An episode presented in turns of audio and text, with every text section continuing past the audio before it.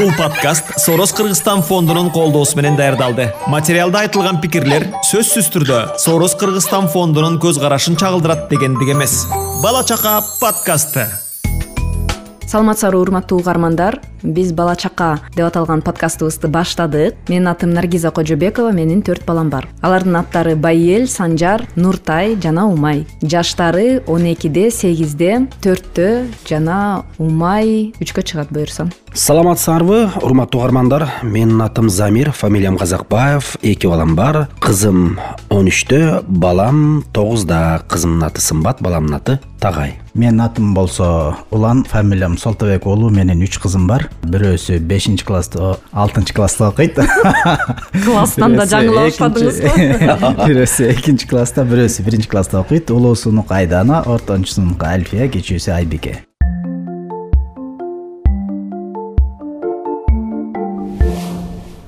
биздин бүгүнкү темабыз баланын шиши толгондо аны уруп койсо болобу же ага такыр кол тийгизген болбойбу. Ушул боюнча силердин ой пикирлериңер кандай эми үй бүлөдө көбүрөөк тажрыйбасы молураак замир байке айтат болуш керек бул туурасында. Буга э, көп деле тажрыйбанын кереги жок болуш керек. Негизи мен дагы да болсо э, өзүмдүн балдарым жөнүндө айтаарда мен өзүмдүн бала чагыма баргым келип атат. Башында себеп дегенде баарыбыз эле бала болгонбуз. Ата болуп эч ким төрөлбөйт да бала кезибизде менин эсимде негизи мынтип айтып коет го атаныкы катуу тиет да балага негизи а эненики май деп коет да эне чаап койсо деле чымчып койсо деле э бала таарынбайт а ата чаап койгонду кой көзүңдү акшырайтып койсоң эле бир көз ирмемге таарынып калат да бала. Анан мен өзүмдүн бала чагымда мен анан менден кийинки карындашым улуусу болгондуктан экөөбүз көбүрөөк таяк чечүбүз себеби кийинки бөбөктөрүбүздүн жоопкерчиликтери бизде болчу да. Үй жыйына албай калса учурунда идиш аяк кир болуп калып калса же коро шыпырылбай калса же дагы бир нерсе аткарылбай калса биз дайым таяк чечүбүз бизди раматылык апам урганда дагы чыбык менен уруп койчу эле да. Ушул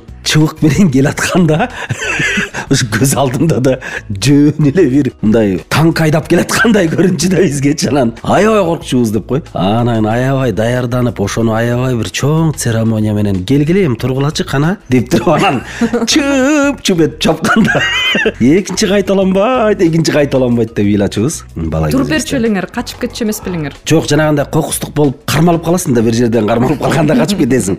Атайын даярдаганда качуу мүмкүн эмес болчу. Ошентип таяк жеп эле чоңойгонбуз биз негизи. Бир жолу бизде бир окуя болгон да. Кызым аябай обожоктонду да. Мындан бери эки үч жыл мурун анда кызым төрт үчүнчү төртүнчү класс окуп жүргөн кези го дейм. Анан баягы жиниң аябай катуу келгенде карабай каласың да мындай эми мен далысына чабайынчы же мен бутуна чабайынчы деп ойлонбой калат экен киши. Мен ошого аябай таң калдым да. Анан кийин кызымды чаап ийип сезип калдым да баш жагына чаап алганымды ушундай жаман болгом дейт чаптым ошол момент мындай э, өкүндүм да чапканыма. Ошол момент жиним тарады ошол момент өзүмдү жек көрдүм аябай ыза болдум да чаап ийгенимечи анан эшикке чыгып бир басыла албайм деп кой өзүмчө мындай? Эмнеге чаптым депчи? Анан ошондон кийин экинчи кол көтөргүс болдум да. Жөн эле өзүмө сөз бердим сөз деле берген жокмун. Ошо кызымды чапканы чаап атканда учурумду элестетип алып эле өзүмдү такыр кечире албай койдум да. Андан бери эми канча жыл өттү мына ага чейин деле өмүрү кол көтөрүп көргөн эмесмин. Деги эле мен балага кол көтөргөн эркекти өзүм жакшы көрбөйм.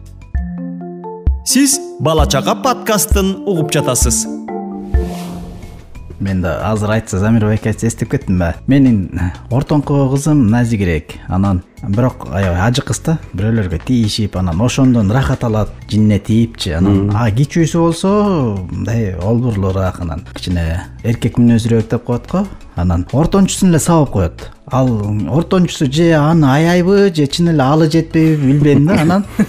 Эми мындай күнүгө эле ал ортончусу таяк жей берген болбойт улуусу дагы анан кичүүсү дагы ага чоң боло берет да. Анан бир күнү мен айттым кызыма ай кызым айбике тийишпе эжең ал кол көтөргүң болбойт. Ал эжең да сенин десем дагы айттым болбойт. Анан кийинки айтсам дагы болбойт анан. Бул чын эле тарбиялаш кыйын экен да. Анан антип айтып көрдүм мынтип айтып көрдүм болбойт анан. Бир күнү эжесин уруп атканда колуна чаптым. Оорудубу десем оорубайт да анан дагы катуураак чаап койдум. Ооруйт бекен десем анан дагы унчукпайт да. Андан катуураак чаап койдум. Ооруйт бекен десем ал көрсө анын мүнөзү меникине окшошуп калган окшойт. Ооруса деле оорубай эми мен принципке туруп аягына чейин барат турбайбы э мен аны негизи өзүм чаппайм да. Анан бирок сабак болсун деп анан чаап коюп ошол эмдиги чектим өзүмдө так болуп калды да. Анан өткөндө мамасы айтат ким бирөөлөр жөнүндө баласын урушуп койгондор туурасында бир телевизордон бир проект болуп атканбы ушундай да анан мамасы сурап атат силерди папаңар урушабы чабабы? десе анда кичүү кызым эстеп калыптыр папам чабат дейт да. Анан өзүм дагы ыңгайсыз болуп жүрөм. Эми бирок бул учурда кандай э, ошол ситуациядан кандай чыгыш керек билбейм. Кантип сабак болуш керек билбейм? Анткени чаап койсом деп анан мен бир четинен өзүмдү мындай түркөй адам катары эсептеп калдым да. Акылы жетпеген эми мындай сөз бар го. Эркелетип тарбиялай албаган ал уруп деле тарбия көрсөтө албайт дегенчи анан мен ушундай түркөймүнбү же билбей калдым. Ошол кыйыныраак экен да а бирок бизде сиз замирбек азыр айтып атпайсызбы? Биздин азыркы биз ушинтип калдыкпы депчи ал сиз ошентип калдыңыз. Анан мен ошентип калышым мүмкүн дагы ушундай адамдар болушу мүмкүн. Анткени көбүнчө учурда айыл тараптарда барып калганда баласын ызгырылта ызгырылта коюп анан урушуп кыйкырып чаап. Бул нормалдуу эле нерсе. Анан мамам келип өткөндө айтат кыздарың тентек экен баягы кичине урушуп чаап чаап койбойсуңарбы мен силерди чаап чаап эле тарбиялап койгом дейт. Сиз өзүңүздүн чаба бериңиз деп тосуп койбойсуңбу ушундай. Ал ал адам ар бир адамдын өзүнөн го дейм да. Эл эмне дейт? Элдин пикирлери. Балага кол көтөрүү негизи эле бул туура эмес нерсе. Биз балага жанагы айткан сөзүбүз жетпей калганда ортодо контакт жок болуп кеткенде ошол отуруп жакшылап сүйлөшкөндүн ордуна чыдабай кетип кол көтөрүп жатпайбызбы? Антип тарбияланган бала өз убагында. Ал дагы чоңоет ал дагы ата болот. Ал дагы өзүнүн үй бүлөсүнө аялына балдарына кол көтөрөт да. Үй бүлөсүнө гана эмес негизи эле чечилбей калган маселени күч менен ур токмок менен чечсе болот экен деп ойлонуп калат да. Негизи эле бул туура эмес ошону убагында көбүбүз эле таяк жеп чоңойгон балдарданбыз. Анан ошону бара бара биз дагы өзгөртүшүбүз керек да. Эми азыр заман башка балага мындай айтып отуруп түшүндүрүп башка жолдор менен тарбия көрсөткөн туура го дейм. Уруш керек балдарды мен ушундай эле ойлойм. Азыр эле просто заманга жараша балдарды урбаш керек анан аларды психологиясы бузулуп атат анан антип атат деп неме да мен кошулбайм да аларгачы тем более эркек балдарды уруп эле жакшынакай эле катуу чаап эле тарбия бериш керек. Бирок атасы чапканга кошулбайм. Атаныкы ок болот деген сөз да туптуура мен атанын көз карашынан эле даже сезип турсун деп ойлойм да. Даже эркек баланы деле ата чаппаш керек. Анда санда гана бир өтө катуу кетип баратканда чаппаса мен атасы чапканга кошулбайм вот энеси чаа берсин төрт уулум бар мен деле чаап чаап эле. Азыр чоңоюп баратат тамашачынга салып улуу баламды ремень менен гана кейдеп туруп чаап чаап эле коем да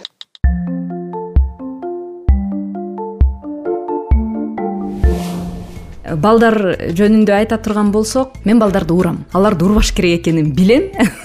Бирок мен чыдабай кетем деген категориядагы адамдарга кирем. Анткени бир күн кечке балдар менен боло бергенде анан айрым балдар чындап эле сен канчалык деңгээлде чыдамкай экениңди текшерип аткандай сезилет да магачы кээде чын ошондой сезилет болуш керек э? Бир жолу айтасың негизи мен аябай эле мындай сабырдуу эле кишимин да мен деле урбайм бaldарды монтип былчылдатып сабап деген жерим деле жок да анан бир жолу айтасың эки жолу айтасың анан ошо сынап көзүңдү карап эмне кыла аласың дегендей э, учурлар болот. Мен да бир жолу улуу баламды байэлди аябай катуу уруп койдум эле. Ал ал дагы айтпай кетип калган экен. Эмнеге айтпай кетип каласың деп катуу урушуп уруп койдум элем. Анан бир эки күн өткөндөн кийин байэл өткөндөгү мен сени уруп койгонум үчүн кечирип койчу. Бирок мен сага аябай сар сана болдум ошон үчүн сага ачуум келди десем апа менден кечирим сурабай эле коюңуз мен сизди ансыз деле кечирем да дейт. Ошол сөзү мен үчүн аябай чоң сабак дагы болду чоң сокку дагы болду да. Демек мага караганда балам акыл эстүүрөөк экен деген ой пайда болгон. Менин келинчегим дагы сиз айткандай балким алар ошону анын канчалык деңгээлде чыдап атканын текшериш үчүн кылып аткандай сезилет окшойт колдору кычышып кетет да анан чаа ийгиси келет. Защита бар да алардачы. Менин кыздарымда защита бар. Анан ошон үчүн тие албайт да. Анан эмоциясы ашып ташып кеткенде анан айтат. Эгерде кыздар эртең бирдеме болсо сен жооп бересиң эмнеге десең мен тарбиялайын десем сен тарбиялатпай атпайсың баларды дейт. Анан эми замирбек айткандай айтат эй сен бирдеме деп койчуйбы аларга эмне дейт дейсиң да анан бул жерде биз акылдуураакпыз да туура мен айтам. Ой кыздарды деген мамасы тарбиялаш керек да дейт анан. Бирок тарбиялап турбайбыз да туурабы. Бизде болсо тетирисинче э, тынчтык мынтип айтат. Азыр апаңардын жини келе баштады этият болсоңорчу я? деп айтат. Балдарга анан ошентип бир нече жолу айтканда анан мен мүмкүнчүлүк түзүп берет экен да шарт түзүп берет экен да а бизде деле сен айткандай наргиза бизде деле кундуз өлтүрөт. Кундуз келатат азыр кыйкырат. Азыр жини кармады тигинин деп мен бизде да ушундай. Бизде жок. Замир келатат. Замир өлтүрөт. Түшүмө да кирбейт андай нерсе менин көбүнчө мындай ортодогу аялы менен күйөөсүн билбейм. Биздин үйдө ушу кыздарыбызды ал урушам десе мен уруштурбайм же ал кылам кылба десе тиги кызым бир нерсени ат кылам эшикке ойнойм деп атса мамасы ойнобо дейт «Э, конфет жейм деп атса мен жесин десем ал жебесин дейт ал мен ээн эркин чоңойсун десем ал тартараак болсун дейт ошонун ортосунан эле чатак силерде пикир келишпестик болот Ооба. бир жолу апасы кайраштырып атат да чындап эле мени кайраштырып атат. Балам өзү мектепте жакшы окуйт бир күнү эки алып келиптир анан э, кундуз айтат э, мына бүгүн эки алып келиптир бул баягыдан берки жин алып келген мына результат дейт эмне десе айткам укпайт мына балаң дейт. Телефонду көп караба ойнобо көп сабак оку ошонун баарын дайыма айтабызбы? Дайыма айтабыз. А бул эмне кылат? Бул укпайт деп атат да мага айтып берип атат. «Э», дедим анан эми балаң менен өзүң сүйлөш деп чыгып кетти аябай бир жөн эле эки чоң кишини калтырып салгансың анан мен дагы ичимен эми баадат кылып албасын деп анан атайын ишеним ишенип таштап кетсе кой мен дагы кичине сүрүн сүрүндү көрсөтүп коеюн деп аябай ичимен өзүмдү даярдап анан. Ишенимин актайын деген турбайсызбы болбосо мен дагы чыгып тил укпайын деп анан.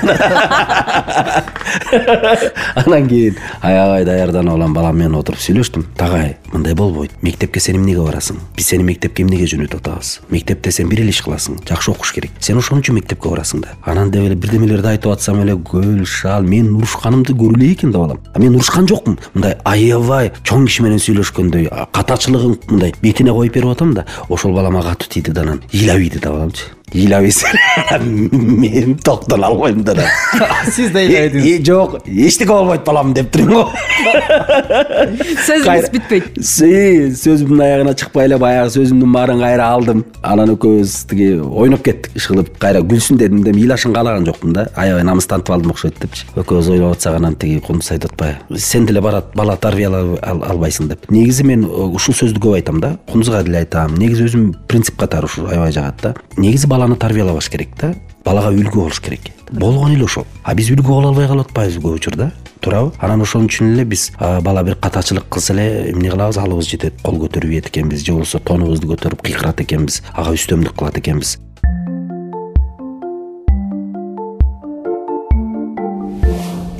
Кишилер эмне үчүн урат чоңдор себеби ошол бала бизге жооп кайтара албастыгын билип туруп киши балага анан жаныбарларга кол көтөрөт экен. Үстөмдүк кылат ошол бул мен мен сенден чоңмун мен сенден кыйынмын мен сенден күчтүүмүн деген э, нерсенин жапайы Белгилери. белгилери. Туура. Көбүрөөк карманып калганга аракет кылам. Анткени чынында эле бала эч качан чоң кишиге тап бере албайт.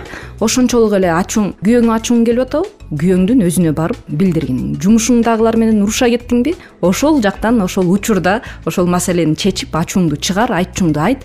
Бирок ошол нерсенин баардыгын кайра балага алып келип ошого өткөрбө баладан чыгарба. Мисалы дагы бир нерсени салыштыргым келип атат. Эми балага өзү негизи балага кол көтөрүш керекпи керек эмеспи деп атпайбызбы э чын чынына келгенде биз мектепте окуп жүргөн учурунда ал кезде союз учуру бизди ата эне эмес бизди мугалимдер уруп койчу мектепте ооба линейка менен колду коюп туруп партанын үстүнө татак чапчу да. Ооба анан кызыгы ошону үйгө айтып келсең ата энең рас болот деп ата айтышчу энең да таяк жейсиң да анда дагы. Анан кийин мен өткөндө тамашалап кайсы бир жерде күлүп атпаймынбы тамашалап. Жанагы указка деген болот го. Көрсө мен ойлоп турмун аны балдарды сабаш үчүн указка экен деп. Ал көрсө жана доскага колдончуску указка экенин мен. Мектепти бүткөндөн кийин түшүндүм. Азыр э, лазер указкалар чыгып калбады. Ошон үчүн да таяк жебей калды окшойт балдар ошол указка ошол указка күнүнө денебиздин бир жерине бир жолу келип тийип кетпесе биз өзүбүздү мындай жакшы сезчү эмеспиз да. Окубай эки алып барган баладай болуп үйгө. Силерде ушундай бир э, сезимдер пайда болобу мисалы үчүн? Балдар кээде өзүнүн кыялын көрсөтүп жана сиз айткандай э, принципке туруп аягына чейин жок колго чапсам деп эле жок ооруткан жок деп атпайсыңарбы ошондой учурларда өзүн мындай эң жакшы жагын эмес бир аз начарыраак алып жүргөндө балдарыңар үчүн кандайдыр бир сыймыктануу сезими болобу бул баламдын өзөгү бар экен кыйын экен ушундан бир нерсе чыгат деген учурлар болгонбу ооба ооба. Кээде атайын эмне кылаар экен деп деле сынаган учурлар болот да. Балам кандай чоңоюп атат экен эмне жөнүндө ойлонот болду экен. Деги эле биз ушундай нерсени көп эске албайт экенбиз. Табит эмне болду экен өзү ойлогонуна турат бекен турбайт бекен деп үйдө андай келишпестиктер кээде болгон учурларда мен кээде сүйүнүп эле калам. А өзүнүн ою бар экен көрсө. А көрсө ушундай нерсени бул деле ойлонуп турбайбы деп калган учурлар болот эл эмне дейт? Элдин пикирлери.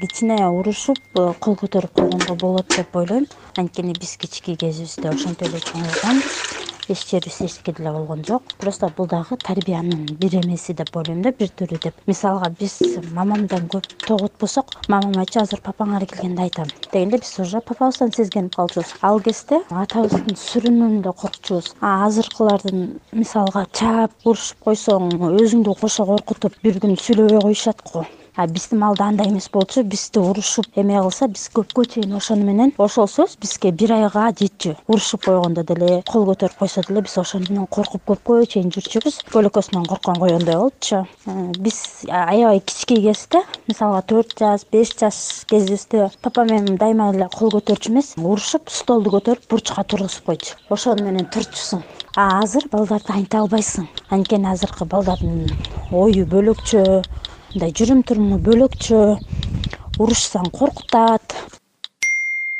Баланы тарбиялоо боюнча айта турган болсок ата менен баланын ортосунда субординация деп коет орусча ар бир адам өзүнүн ордун билиш керек. Баягы өтө эле ашыкча эркелетип жиберген дагы бул туура эмес. Кези келген жерде кыз кукус кылып коюп турса болот. Бирок бул баягы ур токмок алуу деген сөз эмес. Анткени бала деген ойнок болот. Көп учурда маани бербей туруп айтылган нерселерди аткарбай же болбосо тартип бузулуп кете бериши мүмкүн. Оюнга салып ошол учурда катуу катуу э, айтып э, кагып силкейип кое турса койсо бул бала үчүн аябай эле жакшы. Илгери деле мисалы үчүн баланы тарбиялап атканда ушундай нерселерге жол берилип турган э, мисалы үчүн макалдарда көп кездешет мындай учурлар. Мисалы үчүн эркенин жашы тыйылбайт же болбосо баланы окууга берип жатканда же болбосо бирөөгө тарбияга берип жатканда баланын сөөгү биздики эти сиздики деген сыяктуу макалдарыбыз күбө.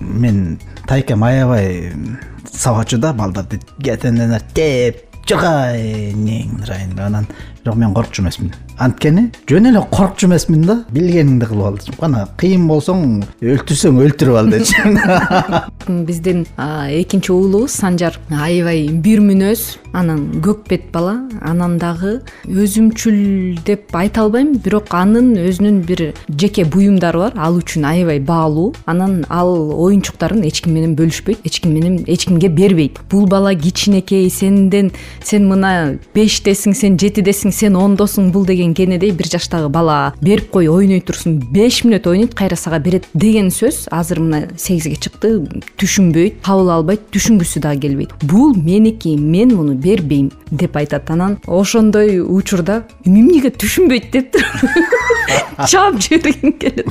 Бирок мен ошо баламдын чечимин анын жеке өзүнүн чек арасын коргоп атканын жеке менчигин коргоп атканына кайра баа берем да ушунчалык улан айткандай урсаң ур билгениңди кылып ал бирок бул менин оокатым мен муну эч кимге бербейм. Тийбе деп айтат да. А бирок адамдар ушундай түзүлгөн экенбиз да. Өзүбүз катай кетиришибиз керек экен. Мисалы ошону муздак экенин кармап көрмөйүнчө муздак деп канча жолу айтса дагы болбойт да туурабы. Анан биздеги э, могу ата энелик инстинкт баягы коргоп туруш керек деген. Балким тескери жагына таасир береби деген оюм бар да. Анткени мына келинчегим деле корко берет да эшикке чыкпагыла аякка барбагыла биякка барбагыла деп бирок адамдар менен мамиле түзгөндү үйрөнмөйүнчө анын жакшы экенин көрмөйүнчө же жаман адам экенин билмейинче өз колу менен. ал тажрыйба топтомоюнча жакшы билимдүү же опытный адам болуп чыгат экенине көзүм жетпейт да. Балким меники туура эместир жок туура эле мен ушул пикирге кошулам. Негизи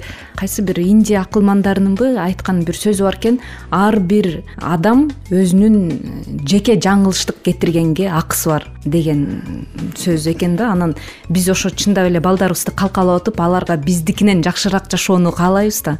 Анан көп нерседен алып калабыз деп аракет кылып атып аларды жана күнөстөгө өскөн гүлдөрдөй кылып өтө назик көп нерсеге даяр эмес кылып коюшу мүмкүн экен. Үйдө ушундай маселе да мамасы айтат. Кийин кий үстүңө?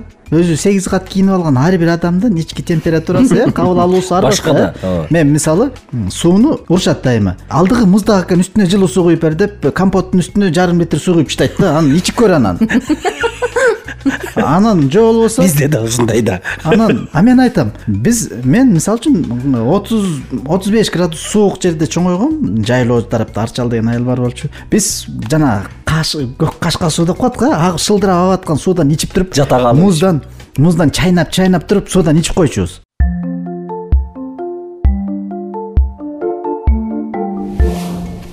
урматтуу угармандар силер бала чака подкастын угуп жатасыңар. Бүгүнкү программабыздын темасы баланын шиши толуп калганда аны уруп койсо болобу же такыр урган болбойбу? Биздин жыйынтык урган болбойт баланы. Биз акыл эстүү чоң адам болгон соң өзүбүздүн эмоцияларыбызды башкарып баладан күчүбүздү чыгаруунун кереги жок жана бул туура эмес деген жыйынтыкка келдик окшойт э. Подкасттын алып баруучулары мен наргиза кожобекова. Мен замир казакбаев жана улан солтебек уулу. Сак саламатта болуңуз.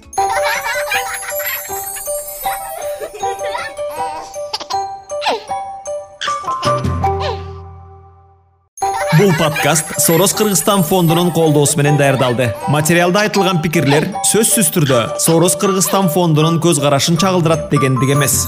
Бала чака подкасты саламатсыздарбы урматтуу угармандар биз бала чака деп аталган подкастыбызды баштадык. Менин атым наргиза кожобекова менин төрт балам бар. Алардын аттары байел санжар нуртай жана умай. Жаштары он экиде сегизде төрттө жана умай. Үчкө чыгат буюрса саламатсыздарбы урматтуу угармандар. Менин атым замир фамилиям казакбаев эки балам бар. Кызым он үчтө балам тогузда. Кызымдын аты сымбат баламдын аты тагай. Менин атым болсо улан фамилиям солтебек уулу менин үч кызым бар бирөөсү бешинчи класста алтынчы класста окуйт. Класстан да жаңылып башладыңызбы? бирөөсү экинчи класста бирөөсү биринчи класста окуйт. Улуусунуку айдана ортончусунуку альфия кичүүсү айбике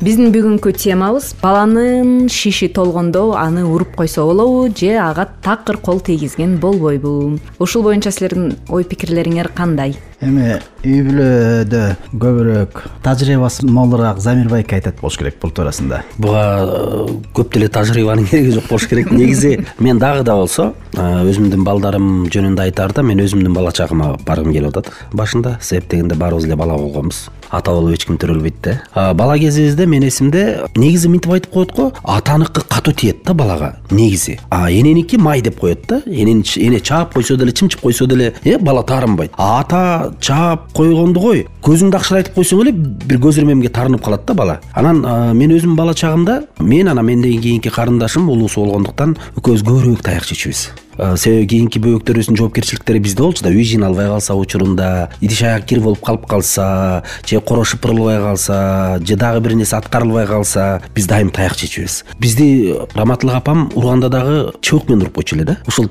чыбык менен келатканда ушу көз алдымда да жөн эле бир мындай танк айдап келаткандай көрүнчү да бизгечи анан аябай коркчубуз! деп кой. Анан аябай даярданып ошону аябай бир чоң церемония менен келгиле эми тургулачы кана деп деп туруп анан чып чып этип чапканда.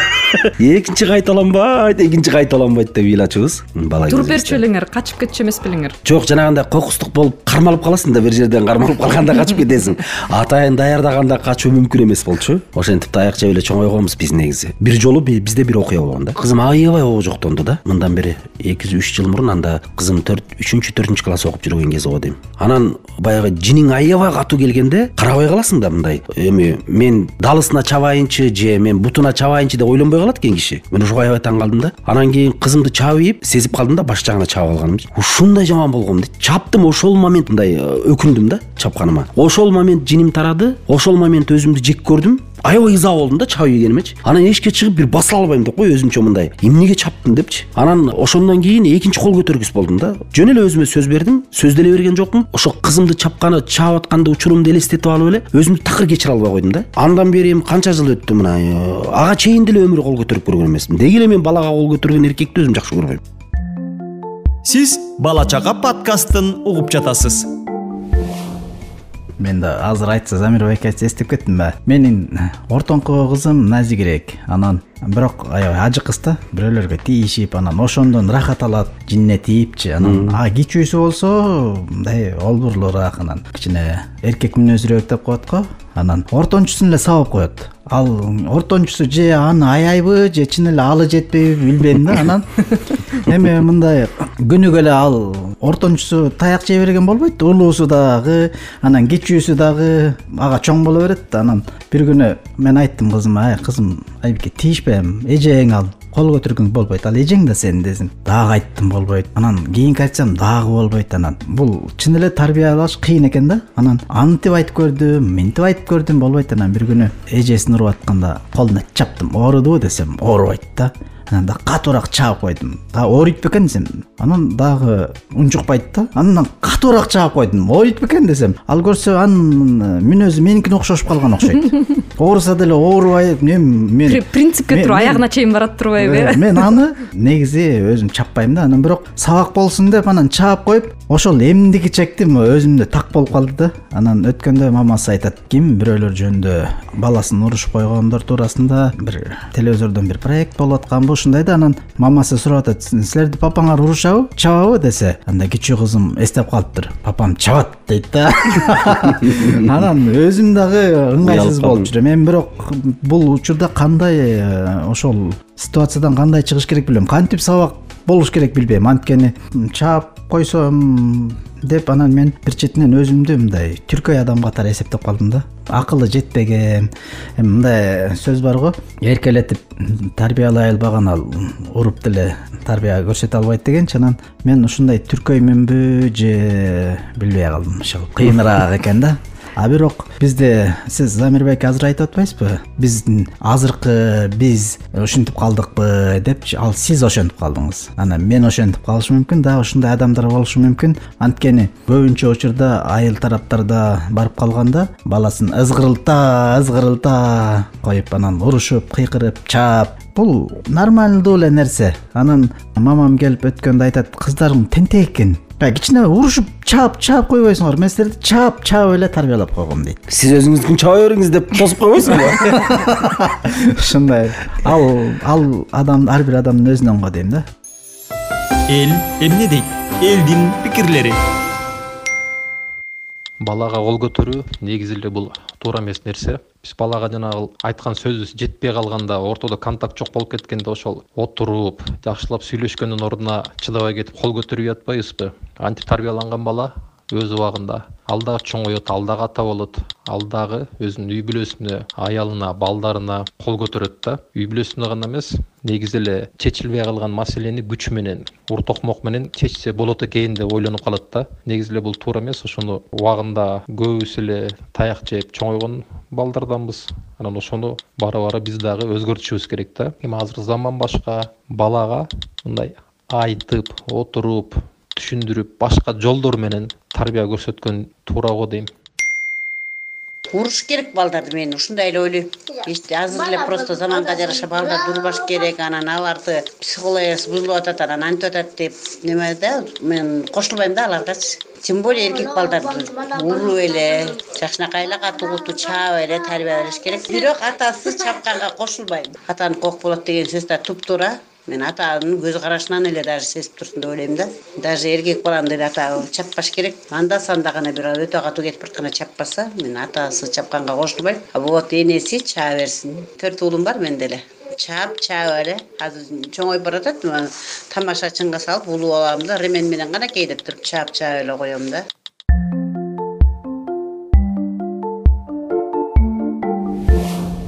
балдар жөнүндө айта турган болсок мен балдарды урам аларды урбаш керек экенин билем. Бирок мен чыдабай кетем деген категориядагы адамдарга кирем. Анткени бир күн кечке балдар менен боло бергенде анан айрым балдар чындап эле сен канчалык деңгээлде чыдамкай экениңди текшерип аткандай сезилет да магачы кээде чын ошондой сезилет болуш керек э. Бир жолу айтасың негизи мен аябай эле мындай сабырдуу эле кишимин да мен деле урбайм бaldарды монтип былчылдатып сабап деген жерим деле жок да анан бир жолу айтасың эки жолу айтасың анан ошо сынап көзүңдү карап эмне кыла аласың дегендей э, учурлар болот. Мен да бир жолу улуу баламды байэлди аябай катуу уруп койдум эле. Ал ал дагы айтпай кетип калган экен. Эмнеге айтпай кетип каласың деп катуу урушуп уруп койдум элем. Анан бир эки күн өткөндөн кийин байэл өткөндөгү мен сени уруп койгонум үчүн кечирип койчу. Бирок мен сага аябай сар санаа болдум ошон үчүн сага ачуум келди десем апа менден кечирим сурабай эле коюңуз мен сизди ансыз деле кечирем да дейт. Ошол сөзү мен үчүн аябай чоң сабак дагы болду чоң сокку дагы болду да. Демек мага караганда балам акыл эстүүрөөк экен деген ой пайда болгон. Менин келинчегим дагы сиз айткандай балким алар ошону анын канчалык деңгээлде чыдап атканын текшериш үчүн кылып аткандай сезилет окшойт колдору кычышып кетет да анан чаап ийгиси келет. Защита бар да алардачы. Менин кыздарымда защита бар. Анан ошон үчүн тие албайт да. Анан эмоциясы ашып ташып кеткенде анан айтат. Эгерде кыздар эртең бирдеме болсо сен жооп бересиң эмнеге десең мен тарбиялайын десем сен тарбиялатпай атпайсың баларды дейт анан эми замир байке айткандай айтат эй сен бирдеме деп койчуйбы аларга эмне дейт дейсиң да анан бул жерде биз акылдуураакпыз да туура мен айтам ой кыздарды деген мамасыз тарбиялаш керек да дейт анан бирок тарбиялаттырбайбыз да туурабы? Бизде болсо тетерисинче э, тынчтык мынтип айтат. Азыр апаңардын жини келе баштады этият болсоңорчу я? деп айтат. Балдарга анан ошентип бир нече жолу айтканда анан мен мүмкүнчүлүк түзүп берет экен да шарт түзүп берет экен да бизде деле сен айткандай наргиза бизде деле кундуз өлтүрөт. Кундуз келатат азыр кыйкырат. Азыр жини кармады тигинин деп мен бизде да ушундай. Бизде жок. Замир келатат замир өлтүрөт. Түшүмө да кирбейт андай нерсе менин көбүнчө мындай ортодогу аялы менен күйөөсүн билбейм. Биздин үйдө ушу кыздарыбызды ал урушам десе мен уруштурбайм же ал кылам кылба десе тиги кызым бир нерсени ат кылам эшикке ойнойм деп атса мамасы ойнобо дейт конфет жейм деп атса мен жесин десем ал жебесин дейт. Ал мен эркин чоңойсун десем ал тартараак болсун дейт. Ошонун ортосунан эле чатак силерде пикири келишпестик болот бир жолу апасы кайраштырып атат да. Чындап эле мени кайраштырып атат. Балам өзү мектепте жакшы окуйт. Бир күнү эки алып келиптир. Анан кундуз айтат «Э, мына бүгүн эки алып келиптир. Бул баягыдан берки жин алып келген мына результат дейт эмне десе айткам укпайт мына балаң дейт. Телефонду көп караба ойнобо көп сабак оку ошонун баарын дайыма айтабызбы дайыма айтабыз. А бул эмне кылат? Бул укпайт деп атат да мага айтып берип атат. «Э», дедим анан эми балаң менен өзүң сүйлөш деп чыгып кетти аябай бир жөн эле. Эки чоң кишини калтырып салгансың анан мен дагы ичимен эми баягы адат кылып албасын деп анан атайын ишеним ишенип таштап кетсе кой мен дагы кичине сүрүмдү. Көрсөтүп коеюн деп аябай ичимен өзүмдү даярдап анан. Ишенимин актайын деген турбу болбосо мен дагы чыгып тил укпайын деп анан. Кийин аябай даярданып алам балам менен отуруп сүйлөштүм. Тагай мындай болбойт. Мектепке сен эмнеге барасың? Биз сени мектепке эмнеге жөнөтүп атабыз? Мектепте сен бир эле иш кыласың. Жакшы окуш керек сен ошон үчүн мектепке барасың да. Анан деп эле бирдемелерди айтып атсам эле гүл шал мен урушканымды көргүлөй экен да балам а мен урушкан жокмун. Мындай аябай чоң киши менен сүйлөшкөндөй катачылыгын мындай бетине коюп берип атам да ошол балама катуу тийди да анан ыйлап ийди да баламчы ыйлабейсиңер мен токтоло албайм да. Сиз да ыйлабайдыңыз жок эчтеке болбойт балам деп турмун го сөзүңүз бүтпөйт сөзүмдүн аягына чыкпай эле баягы сөзүмдүн баарын кайра алдым. Анан экөөбүз тиги ойноп кеттик иш кылып кайра күлсүн дедим да ыйлашын каалаган жокмун да. Аябай намыстантып алдым окшойт депчи. Экөөбүз ойлоп атсак анан тиги кундуз айтып атпайбы. Сен деле бала тарбиялай албайсың деп. Негизи мен ушул сөздү көп айтам да. Кундузга деле айтам. Негизи өзүм принцип катары ушу аябай жагат да. Негизи баланы тарбиялабаш керек да. Балага үлгү болуш керек. Болгону эле ошол. А биз үлгү боло албай калып атпайбызбы көп учурда. Туурабы анан ошон үчүн эле биз бала бир катачылык кылса эле эмне кылабыз? Алыбыз жетет кол көтөрүп ийет экенбиз. Же болбосо тонубузду көтөрүп кыйкырат экенбиз. Ага үстөмдүк кылат экенбиз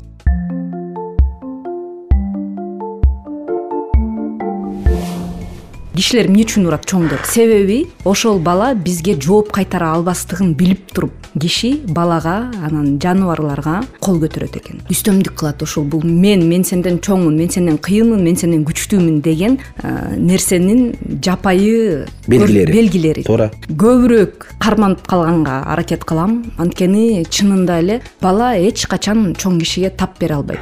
Ошончолук эле ачууң күйөөңө ачууң келип атабы күйөөңдүн өзүнө барып билдиргин менен уруша кеттиңби ошол жактан ошол учурда ошол маселени чечип ачууңду чыгар айчууңду айт. Бирок ошол нерсенин баардыгын кайра балага алып келип ошого өткөрбө баладан чыгарба. Мисалы дагы бир нерсени салыштыргым келип атат. Эми балага өзү негизи балага кол көтөрүш керекпи керек эмеспи деп атпайбызбы э чын чынына келгенде биз мектепте окуп жүргөн учурунда ал кезде союз учуру бизди ата эне эмес бизди мугалимдер уруп койчу мектепте ооба линейка менен колду коюп туруп партанын үстүнө татак чапчу да. Ооба анан кызыгы ошону үйгө айтып келсең ата энең рас болот деп айтышчу ата энең да таяк жейсиң да анда дагы. Анан кийин мен өткөндө тамашалап кайсы бир жерде күлүп атпаймынбы тамашалап. Жанагы указка деген болот го. Көрсө мен ойлоп турмун аны балдарды сабаш үчүн указка экен деп. Ал көрсө жана доскага колдончуску указка экенин мен. Мектепти бүткөндөн кийин түшүндүм. Азыр лазер указкалар чыгып калбады. Ошон үчүн да таяк жебей калды окшойт балдар ошол указка ошол указка күнүнө денебиздин бир жерине бир жолу келип тийип кетпесе биз өзүбүздү мындай жакшы сезчү эмеспиз да. Окубай эки алып барган баладай болуп үйгө. Силерде ушундай бир э, сезимдер пайда болобу мисалы үчүн балдар кээде өзүнүн кыялын көрсөтүп жана сиз айткандай э, принципке туруп аягына чейин жок колго чапсам деп эле жок ооруткан жок деп атпайсыңарбы ошондой учурларда өзүн мындай эң жакшы жагын эмес бир аз начарыраак алып жүргөндө балдарыңар үчүн кандайдыр бир сыймыктануу сезими болобу бул баламдын өзөгү бар экен кыйын экен ушундан бир нерсе чыгат деген учурлар болгонбу ооба ооба. Кээде атайын эмне кылаар экен деп деле сынаган учурлар болот да. Балам кандай чоңоюп атат экен эмне жөнүндө ойлонот болду экен. Деги эле биз ушундай нерсени көп эске албайт экенбиз. Табит эмне болду экен өзү ойлогонуна турат бекен турбайт бекен деп. Үйдө андай келишпестиктер кээде болгон учурларда мен кээде сүйүнүп эле калам. А өзүнүн ою бар экен көрсө. А көрсө ушундай нерсени бул деле ойлонуп турбайбы деп калган учурлар болот эл эмне дейт? Элдин пикирлери. Кичине урушуп э, кол көтөрүп койгонго болот деп ойлойм. Анткени биз кички кезибизде ошентип эле чоңойгонбуз эч жерибиз эчтеке деле болгон жок. Просто бул дагы тарбиянын бир эмеси деп ойлойм да бир түрү деп. Мисалга биз мамамдан көп тоготпосок мамам айтчу азыр папаңар келгенде айтам дегенде биз уже папабыздан сезгенип калчубуз. Ал кезде атабыздын сүрүнүнөн эле коркчубуз. Азыркылардын мисалга чаап урушуп койсоң өзүңдү кошо коркутуп бир күн сүйлөбөй коюшат го а биздин маалда андай эмес болчу бизди урушуп эме кылса биз көпкө чейин ошону менен ошол сөз бизге бир айга жетчү. Урушуп койгондо деле кол көтөрүп койсо деле биз ошону менен коркуп көпкө чейин жүрчүбүз. Көлөкөсүнөн корккон коёндой болчучу э, биз аябай кички кезде мисалга төрт жаш беш жаш кезибизде папам менен дайыма эле кол көтөрчү эмес урушуп столду көтөрүп бурчка тургузуп койчу. Ошону менен турчусуң а азыр балдарды айнте албайсың. Анткени азыркы балдардын ою бөлөкчө мындай жүрүм туруму бөлөкчө урушсаң коркутат. Баланы тарбиялоо боюнча айта турган болсок ата менен баланын ортосунда субординация деп коет орусча. Ар бир адам өзүнүн ордун билиш керек. Баягы өтө эле ашыкча эркелетип жиберген дагы бул туура эмес. Кези келген жерде кыз кукус кылып коюп турса болот. Бирок бул баягы ур токмокко алуу деген сөз эмес. Анткени бала деген ойнок болот. Көп учурда маани бербей туруп айтылган нерселерди аткарбай же болбосо тартип бузулуп кете бериши мүмкүн. Оюнга салып ошол учурда катуу катуу айтып кагып силкейип кое турса койсо бул бала үчүн аябай эле жакшы. Илгери деле мисалы үчүн баланы тарбиялап атканда ушундай нерселерге жол берилип турган мисалы үчүн макалдарда көп кездешет мындай учурлар. Мисалы үчүн эркенин жашы тыйылбайт же болбосо баланы окууга берип жатканда же болбосо бирөөгө тарбияга берип жатканда баланын сөөгү биздики эти сиздики деген сыяктуу макалдарыбыз күбө.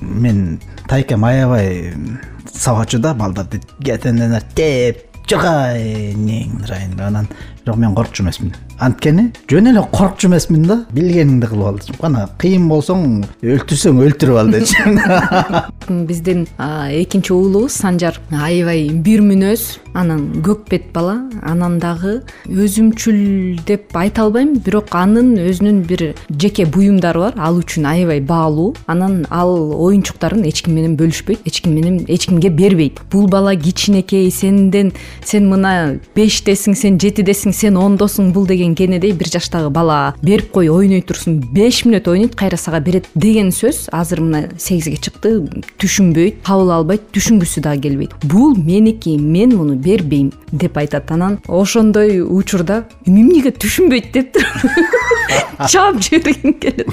Бирок мен ошо баламдын чечимин анын жеке өзүнүн чек арасын коргоп атканын жеке менчигин коргоп атканына кайра баа берем да ушунчалык улан айткандай урсаң ур билгениңди кылып ал бирок бул менин оокатым мен муну эч кимге бербейм тийбе деп айтат да а бирок адамдар ушундай түзүлгөн экенбиз да. Өзүбүз катай кетиришибиз керек экен. Мисалы ошону муздак экенин кармап көрмөйүнчө муздак деп канча жолу айтса дагы болбойт да туурабы. Анан биздеги э, могу ата энелик инстинкт баягы коргоп туруш керек деген балким тескери жагына таасир береби деген оюм бар да. Анткени мына келинчегим деле корко берет да эшикке чыкпагыла аякка барбагыла биякка барбагыла деп. Бирок адамдар менен мамиле түзгөндү үйрөнмөйүнчө анын жакшы экенин көрмөйүнчө же жаман адам экенин билмейинче өз колу менен. ал тажрыйба топтомоюнча жакшы билимдүү же опытный адам болуп чыгат экенине көзүм жетпейт да. Балким меники туура эместир.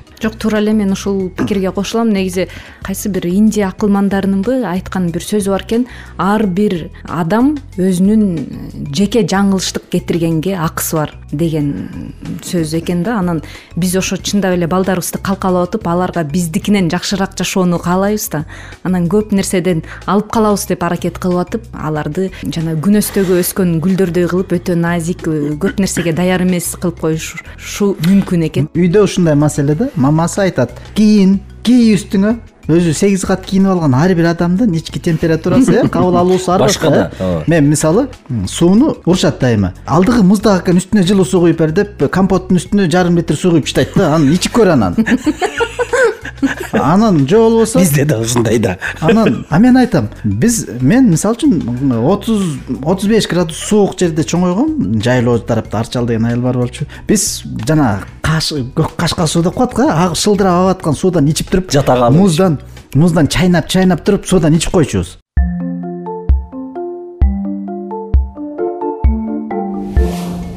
урматтуу угармандар силер бала чака подкастын угуп жатасыңар. Бүгүнкү программабыздын темасы баланын шиши толуп калганда аны уруп койсо болобу же такыр урган болбойбу? Биздин жыйынтык урган болбойт баланы биз акыл эстүү чоң адам болгон соң өзүбүздүн эмоцияларыбызды башкарып баладан күчүбүздү чыгаруунун кереги жок жана бул туура эмес деген жыйынтыкка келдик окшойт э. Подкасттын алып баруучулары мен наргиза кожобекова. Мен замир казакбаев жана улан солтебек уулу сак саламатта болуңуз